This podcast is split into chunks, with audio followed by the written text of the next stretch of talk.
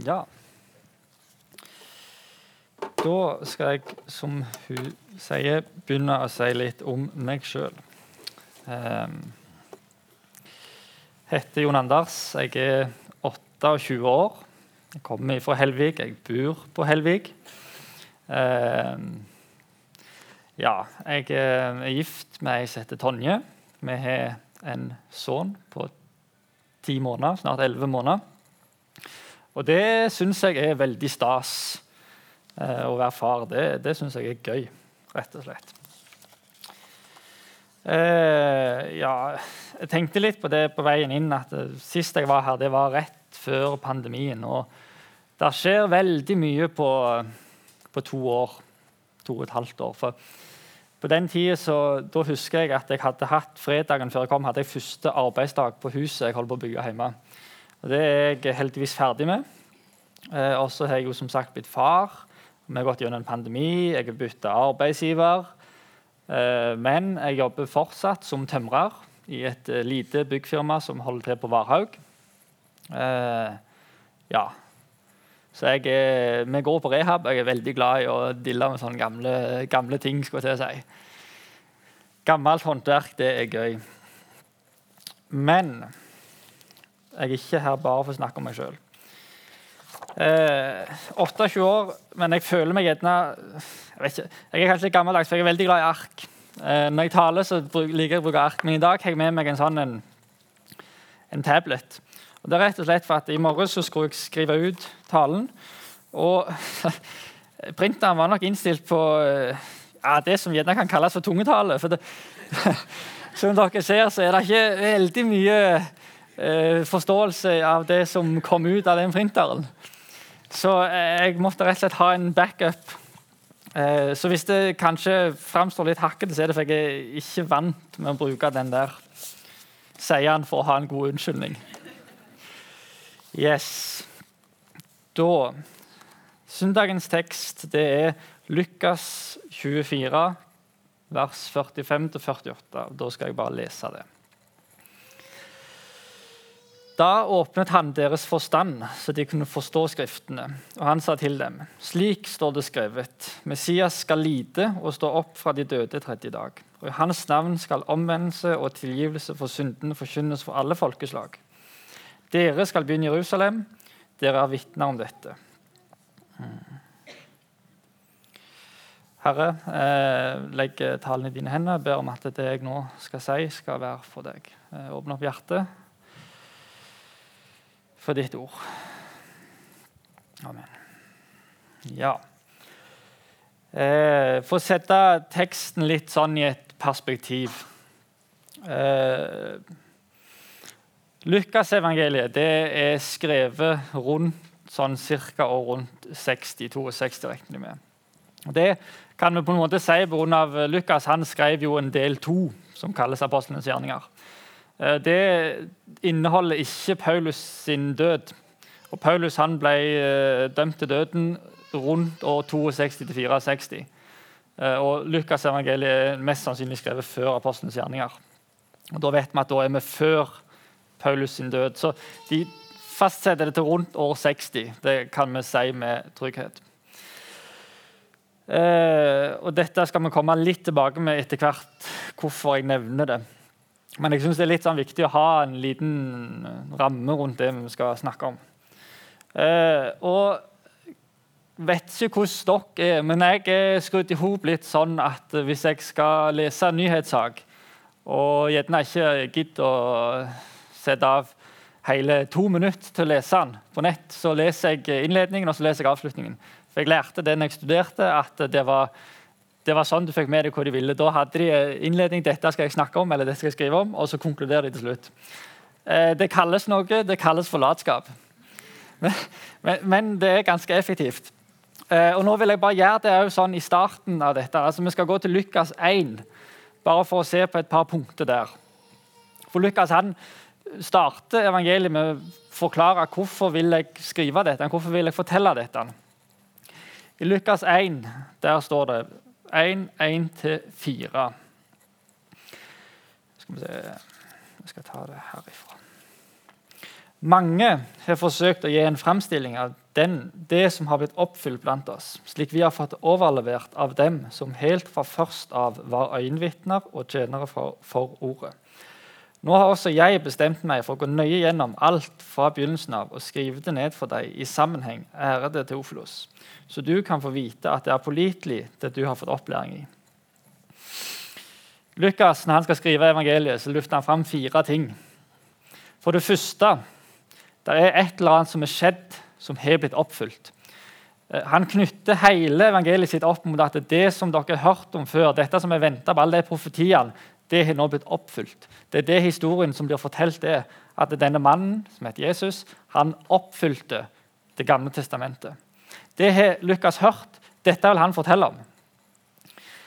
Uh, og det gjør han med å gå til øyenvitnene og så snakke med dem. For Punkt to det er det at han går til øyenvitnene, for det er de som har fortalt dette. Øyenvitnene var de som så og opplevde Jesus på nært hold. Så det som er oppfylt, det er fortalt av øyenvitner. De som var der, de som så det. Dette går Lukas nøye gjennom, skriver han. Punkt tre, at han går nøye gjennom. Og med det tenker jeg at eh, skal du skrive en tekst, skal du sjekke noe, Eh, så holder det ikke alltid å bare gå til en kilde. Lukas gjerne snakket med flere mennesker for å på en måte få med seg ok, er det sant. For Går du bare til én, så kan du få en historie som er kjempebra, men det er ikke sikkert han stemmer for det, om, for han har bare sin historie. Derfor har han snakket med, snakket med flere folk, så han traff flere øyenvitner, flere mennesker som var i nærheten av Jesus, og fått et sannferdig og godt bilde av det. Og Gjennom alt dette, med dette arbeidet med evangeliet så kommer han fram til en konklusjon som han skriver i innledningen dette er pålitelig. Det jeg nå skal fortelle dere om Jesus, det er sant. Jeg tror det er sant, basert på disse tingene her. At det er blitt oppfylt, at det viser tilbake til noe. At de menneskene som var der, de opplevde det på nært hold.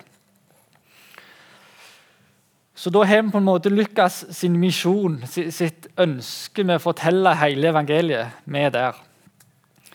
Eh, også når vi går til vår tekst, er vi jo helt andre enden av Lukasevangeliet. Da er vi på slutten. Da har du avslutningsordene. Det, det, som har skjedd i forkant av disse ordene, det er at uh, Jesus er blitt uh, korsfesta, så han har stått opp igjen. Og Så viser han seg for to stykk, to disipler ute og går, som kalles for Emmausvandrerne. Uh, for dem så legger han ut teksten, bibelteksten og forklarer det. Uh, og Etter det så viser han seg for disiplene. Og, og, Da viser han sårene sine og han spør om de har noe å spise. Altså han viser sitt fysisk oppståtte legeme for disiplene. Det er på en måte forkanten, eller det som skjer før, og så er vi på avslutningsordet, altså det siste Jesus sier til disiplene før han blir tatt opp til himmelen. Så Da har vi konteksten. Da vet vi hvor vi er hen, hva som skjer. I teksten her så peker Jesus på et par ting. Han åpner altså han åpner forstanden til disiplene, sånn at de kan forstå teksten. Og så knytter han seg sjøl opp mot Det gamle testamentet. Han sier han skal lide, og så skal han stå opp igjen. Og dette er grunnlaget som disiplene skal ta med seg ut eh, og forkynne omvendelse og tilgivelse for synder. Det er på en måte basicen som disiplene får med seg. Det er det siste han velger å vektlegge. Oppstandelse. Uh, ja. Og så er det det at Han knytter alt rundt seg sjøl opp mot Det gamle testamentet. og Det viser jo en veldig viktig sammenheng mellom Det gamle og Det nye testamentet. Om Jesus baker til Det gamle testamentet. For Det er det han bruker som referansepunktet når han snakker om seg sjøl. Her og andre. At han var den ventende Messias, den som alle gikk og venta på. Der prøver han å legge en connection rundt seg sjøl profetier og sånn. Det knytter han til seg sjøl. Jeg har en studiebibel hjemme som jeg gikk gjennom for en stund siden. husker ikke når. Der var det lista opp 44 ulike profetier som kom fra Gammeltestamentet. Lette måter, I stedet for at du leter gjennom dem sjøl, så fins det lister på sånn. Og, og, Da så jeg på dem og, og, leste, og kan, der knytter de det opp så du ser at alt stemmer. Alt som, alle disse profetiene de stemmer på Jesus. For at uh, eller, eller, på denne Messiasen, han skulle, være, han skulle komme fra Judea-stammen. Eller Judastammen, mener jeg. Han skulle bli født i Betlehem. Eh, han skulle bo i Galilea osv. Mye av profetien det, knytter sammen. Og Dette brukte Jesus en del tid på i sin undervisning, og knytte seg sjøl opp mot dette. Og Det gjør han her òg i søndagens tekst. Men det som jeg på en måte vil vi skal fokusere på i dag, eh, det er at Jesus legger vekt på oppstandelsen i dette. At det er en av de små tingene han nevner her. Og, og hvor utrolig viktig oppstandelsen er som et historisk vendepunkt og en, altså en, en sannhet for oss som kristne, for den troen vi har. Eh, for disiplene var øyenvitner til dette. Eh, de hadde opplevd dette på nært hold. Og, og, de fikk beskjed om å ta dette med dere. Gå og fortell det til mennesker dere treffer. Uh, og, og, Det at de hadde sett det, og det at de forteller dette, det er av avgjørende betydning når evangeliet spres fra Jerusalem og utover. Men det en gjerne kan stille seg spørsmål til, det var hvor mange vitner var det til dette. Og var disiplene de eneste vitnene til oppstandelsen? Eh, hvor grunnlag har en liksom for å tenke er dette? Altså, Hvor holdepunktet har vi til dette? Det er litt det jeg vil fram til. Eh, til disse Emmaus-vandrerne som var ute og gikk, som jeg fortalte bitte litt om. De vandra fra Jerusalem til Emmaus eh, den tredje dagen etter Jesus var blitt korsfesta, altså den dagen han sto opp. Da var de ute og gikk. Og eh, Jesus han kom og går sammen med dem, men han var som teksten sier, skjult for dem, så de ikke kunne på en måte gjenkjenne hvem han var. Og Han stiller spørsmål til disse. Han stiller hva er det dere to går der og snakker om. Hva, hva, er, det liksom, hva er det dere er så veldig oppildna over? Og de, altså I teksten så framstår det som de får fullstendig sjokk over at Jesus kan stille et sånt spørsmål. He, altså, ikke han vært i Jerusalem? det siste? Vet ikke han hva som skjer? Og så, og så, sier, så, så legger de ut med at ja, du har kanskje hørt om denne Jesus fra Nasaret. Han, han, han hevda han var Messias, og at han var den venta. Og, og, så ble han tatt av romerne, eller han ble korsfesta. Og, og, og, nå er det allerede den tredje dagen. Han sa han skulle stå opp, men vi har ikke sett han. Men i morges da var det noen damer som var med graven, og de sier at graven var tom. Og dette renner disiplene også rundt og begynner å fortelle nå at graven er tom. Jesus var ikke der. Kan, kan han virkelig ha stått opp? Og da, og da tar liksom bare Jesus og så åpner opp, og så har han den bibeltimen for disse disiplene. Og begynner med Moses og bare legger ut alt, alle grunnlagene for hvorfor eh, Jesus skulle stå opp igjen på døde. Og, og, og, alle grunnlagene for dette. Eh, og, og, på en måte vise hvem han er, og hvorfor ting har skjedd som de har skjedd via Det gamle testamentet. Eh, en kan gjerne tenke oi, tenk hvor vi er på den bibeltimen. liksom. Eh, da har jeg eh, en god trøst som jeg lærte av en lærer på Fjellhaug. Vi har det.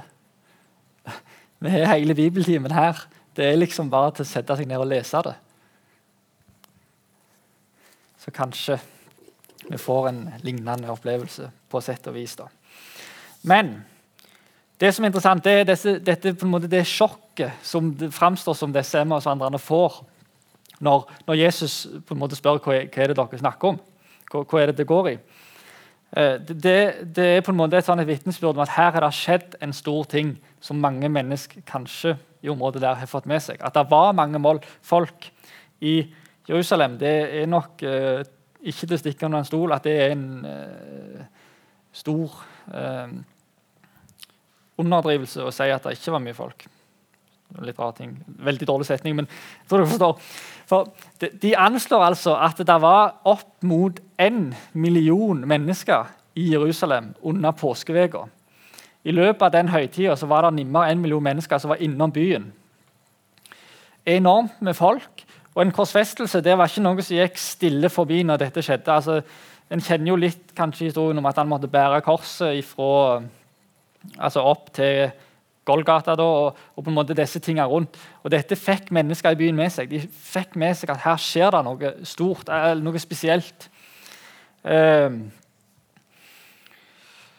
Så, så, at det ble en snakkis, det er jeg helt sikker på. Uh, og, og, det som jeg husker jeg tenkte veldig mye når jeg var ung, det er at ja, men Jerusalem, hva, liksom, hva er vel det? En, en by litt sånn nedi der, på en måte. Det, det, er ikke, det, er jo ikke, det som er sentrum. Sentrum av verden er jo Europa og London og New York. Men, liksom det. men det er jo en sykt eh, moderne måte å tenke på. På den tida når Jesus levde, da var Romerriket det, det, var det som var verden. Det, det var verdens navle, verdens sentrum. Og her lå Jerusalem i som et smykke, på en sett og vis. Så, så at dette skjedde i en uh, av, altså bakstilliggende plass, det, det, stemmer jo ikke. og Der tok jeg feil som ung. For det skjedde i, en, i, i det som kan kalles verdens navle. Der ble Jesus korsfesta. Der sto Jesus opp igjen. Uh, så det at det var flere vitner enn et par disipler. Det er det ingen tvil om. Dette, det, dette, fikk folk med seg. Folk fikk med seg at her skjedde det noe. Jeg eh, kom jo som sagt fra Helvik. Jeg har reist helt fra Helvig i morges. Hele en 50 minutter kjøretur. Eh, men eh, hvis jeg hadde kommet inn her nå eh, og fortalt dere at eh, for et års tid siden da skjedde det noe helt utrolig noe i Egersund. Da landa det et romskip midt i sentrum. Det var fulgt opp av et par romvesener, og de var i byen ei hel uke. Der gikk de rundt og levde akkurat øh, altså, sammen med menneskene i Egersund. Så jeg har fortalt dere dette og vært helt, helt oppriktige og ærlige på at dette har skjedd. Hva hadde dere gjort da? Eh, jeg tipper at Svein Anton han hadde fått det hektisk etter møtet. For han, han var mest sannsynlig òg i Egersund denne uka og kunne da bekrefte eller avkrefte om han snakker sant, han som står på talerstolen. Um, og Poenget mitt det er det at uh, lurer du på om noe er sant, så sjekker du det ofte med vitner. Hvis noen forteller noe, så går du og hører med de som var der. Du sjekker med de som var der. Har det skjedd, eller har det ikke skjedd? Eh, for hadde det vært sant, det som jeg sa om disse romvesenene, så hadde det vært en sensasjon uten sidestykke. hvis det var sant. Og det hadde forandra enormt av oppfatningen som menneskene har av verden. Eh, men det er selvfølgelig noe jeg bare kom på, bare sånn å slå det fast. Eh, for poenget er jo det at Hvis du tenker nå tilbake til det jeg skrei, sa om Lukasevangeliet, at det er skrevet rundt år 60, da er du mindre enn en generasjon etter korsfestelsen av Jesus. Det er kjempekort tidsspenn mellom eh, at Jesus ble korsfesta, at dette er skriftlig i, i, format på en måte som blir lest opp rundt forbi. Og På den tida har disiplene brukt ressurser for å spre dette ut. For som sagt, Lukas hadde hørt om det, og han snakket med folk for å finne ut av dette. Eh, og Det Paulus sier når han skal fortelle litt om korsfestelsen og, og, hvordan Jesus viste seg for folk. Så sier han at han viste seg først for Kefas og for disiplene. og Så viste han seg for sånn og sånn, og så viste han seg for 500 stykk. Og så understreker han med en bisetning som kanskje virker litt uviktig. Han skriver mange av de lever fortsatt i dag. Men, men det, det, er jo, det framstår som en sånn Ja, de lever. Gå og snakk med dem. Hvis dere ikke tror meg, så gå og snakk med dem. Det er mange. 500 stykk. Mange av de lever. De har sett han. Det er bare å gå ut og snakke med dem, så kanskje dere forstår at dette er ikke bare noe jeg sier. Dette er det mange vitner på. Uh, og dette tenker jeg Hvis det da var tilfellet at at denne historien om Jesus som oppstanden, hvis det ikke var sant, hvordan kan det da ha spredt seg så enormt som det gjorde? Når det var så mye vitner, når det var så mye mennesker rundt dette. Eh, for det kunne jo bare blitt avfeid hvis det var oppspinn. Mange historier kommer jo fram eh, som viser seg det ikke var sant, og da dør de ut med tida. Kunne jo nevnt ting fra 300-tallet, men det er jo dødd ut, liksom. Så vi vet ikke om det. Det var et dårlig eksempel.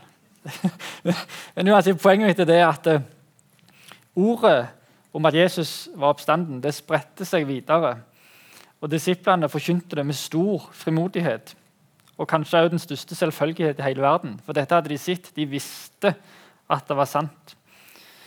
Og Det var så mye vitner på dette at det, det spredte seg bare helt naturlig. Uh, og, og, det er dette, oppstandelsen, det er det trua hviler på, på sett og vis. Paulus sier at hvis ikke Kristus er stått opp, da er trua helt uten mening. Altså, Å kunne klandre seg til en oppstanden Kristus, det er det vi som kristne kan gjøre. At det er liv, det er håp, uansett. Det var oppdraget disiplene fikk. Jeg eh, jobber som sagt som tømrer. Eh, og da lever jeg jo litt av det som heter oppdrag. da. Eh, jeg får en arbeidsbeskrivelse av min sjef, gjerne på mail. 'Dette her skal du gjøre. Gå og fiks det.' Og Det kan jo variere. Vi tar både små og store ting, og, og da varierer det litt i hva størrelse det er på dette. Får du en sånn en mail, altså, en lang mail, så, så, er det på en måte et uff, Ja, hvordan, griper jeg dette an? Da må du bare velge ut et par punkter. Der må jeg begynne. Eh, skulle du f.eks. Eh, lagt en terrasse ikke at det er så mye, men skulle du lagt en terrasse da, eller en platting, så tenker du ikke ok, jeg kan jo legge platting, jeg vet at terrassebordene skal være på toppen, så jeg begynner med deg. Eh, for da får du et veldig dårlig utgangspunkt når du står igjen med hele rammeverket til slutt og skal ha det unna. Eh, så, så en må liksom finne hvor begynner jeg, og så må en ta det som et utgangspunkt og jobbe derifra. Um, og disse oppdragene som jeg da får, de er fullført når alt på lista er gjort, og kunden da er fornøyd. på sett og vis, Eller sjefen er fornøyd. Alt etter sånn. Og her tenker jeg, her er Jesus en dyktig pedagog. For hvis han bare hadde sagt til disiplene dere skal gå ut og skal dere spre evangeliet til alle folkeslag, vær så god Da har iallfall jeg fått den der Ja, hvor begynner vi hen? Eh, og gjerne òg du hadde begynt lengst vekke. Men han sier begynn i Jerusalem. Ta det derifra. Og så jobb dere ut, ut ifra Jerusalem. Uh, der starta oppdraget, og så skulle det jobbes ut til alle verdens folkeslag. Og der er vi. Dette oppdraget det gjelder òg oss. Eh, for vi kan òg gå som vitner for den oppstandende Kristus utover til alle folkeslag. For det oppdraget som begynte i Jerusalem, det er ikke fullført ennå. Um,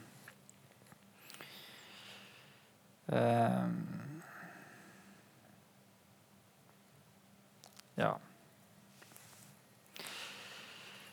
En uh, sier kanskje at uh, når en da går ut, så treffer en ofte påstanden Jesus han var en flott mann.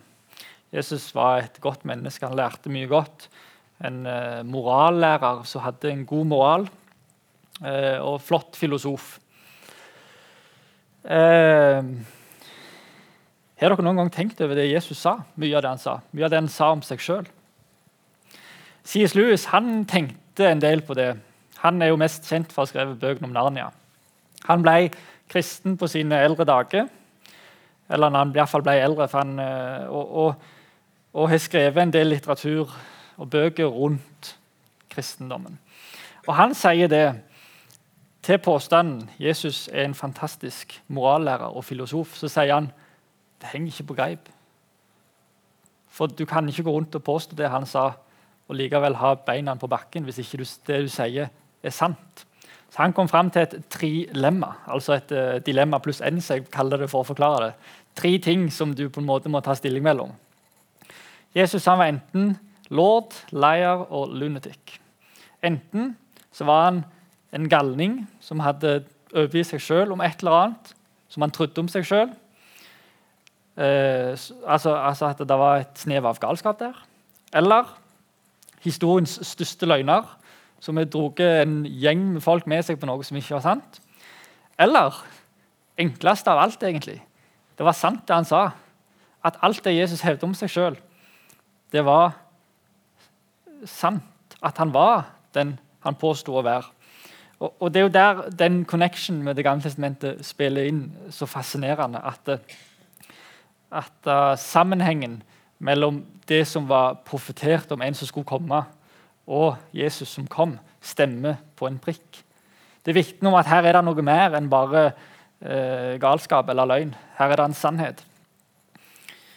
Uh, ja, jeg skal prøve å lande det litt. For her står det slutt på dokument. Eh, vi er kalt til å være vitner. Eh, og jeg er litt sånn forkjemper for det å være vitne der du er. At ikke alle trenger å reise til verdens ende for å forkynne. For vi har så utrolig mye mennesker som vi treffer på vår ferd, som trenger å høre evangeliet og som kanskje òg ønsker det. De bare vet ikke. Uh, ja Jeg har en liten sånn Ikke en slags bekjennelse å komme med, en, en, en flauhet i livet som jeg har hatt til tider. Jeg var 18 år og skulle være litt kul. Og hva gjør kule 18-åringer? De tar tatovering. Så da jeg var 18, da reiste jeg inn til Stavanger og tatoverte et bibelvers på armen. Og du, jeg skjemmes mye over det, og jeg har vurdert å fjerne det. Og, og, og ofte så tar jeg meg sjøl at det er litt sånn jeg har det her, at det er litt sånn, jeg må gå med langarmene, jeg går rundt forbi så folk ikke ser det. eller et eller annet sånt. Og Det samme gjelder jeg går med smykke med kors på. det er jo litt sånn, Vipp det inn, nå kommer det andre arbeidere fra den arbeidsplassen. Bare legg det inni der. Og så kan det ligge bak der. for det da er det nærmere hjertet, liksom, sier jeg til meg sjøl, men det er jo ingen som ser det. Eh, og så opplever jeg det da at eh, de få gangene jeg glemmer det Det skjedde sist på onsdag, og da tok jeg meg sjøl at nå, nå, må jeg ta meg litt sammen her. For da var jeg på en byggvarehandel i Egersund og skulle hente noen småting.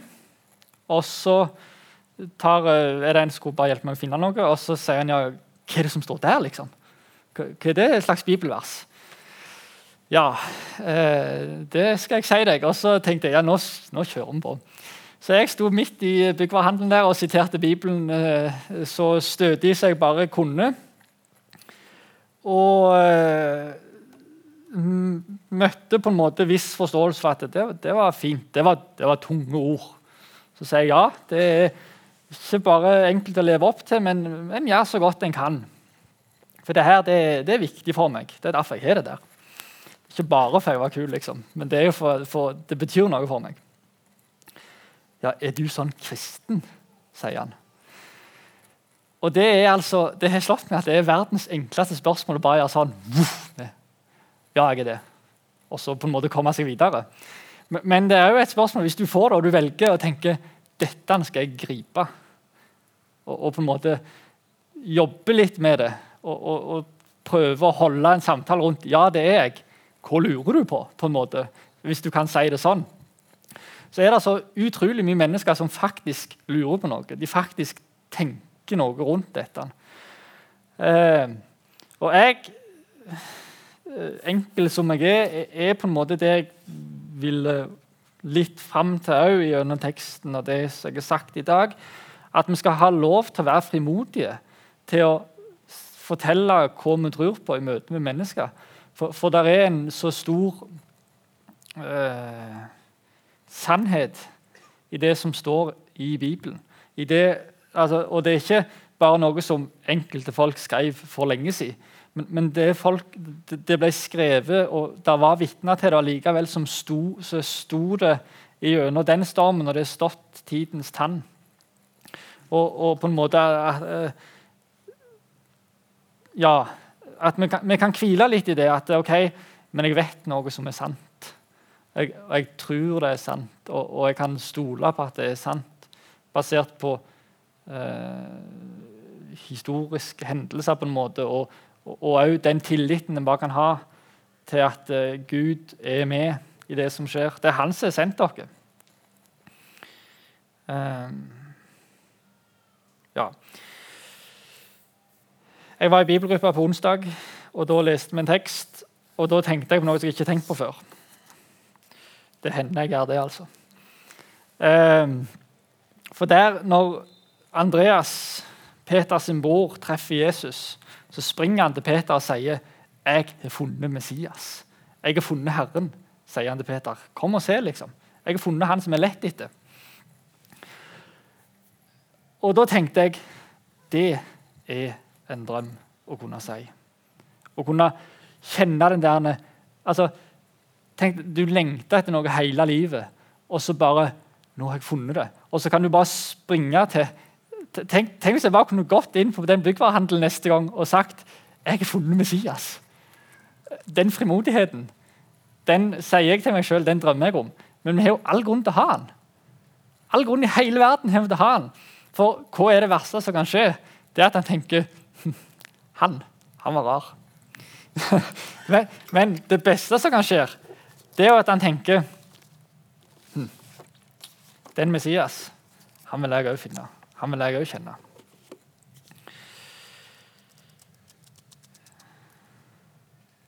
Ja uh, Vi er sendt som vitner. Uh, vi har en oppstanden Kristus som er med i alt vi gjør. Han er med i arbeidet her. Han er med i livet vårt. Nå håper jeg at vi kan gå ut i en ny uke med frimodighet og glede. Eh, og tenke at nå skal jeg ikke gå hjem og vente til neste søndag med å tjene Jesus, men nå skal jeg gjøre det mandag, tirsdag, onsdag, torsdag, fredag og lørdag. Eh, ja. Jeg tror vi lander det der, så skal jeg be til slutt. Herre, jeg takker deg for eh, eh, takker deg for misjonssalen her. Takk for at vi kan samles om ditt ord. Jeg ber her om at eh, ja, ditt ord skal virke i hjertet vårt, at vi skal med frimodighet ta det med oss inn i, i hverdagen. jeg ber om at du vil være eh, rammen, grunnverket, det vi baserer liv på. Ikke bare på søndager, men hver dag i uka. Ja, gi oss frimodighet til å møte alle mennesker med ditt ord. I Jesu navn. Amen.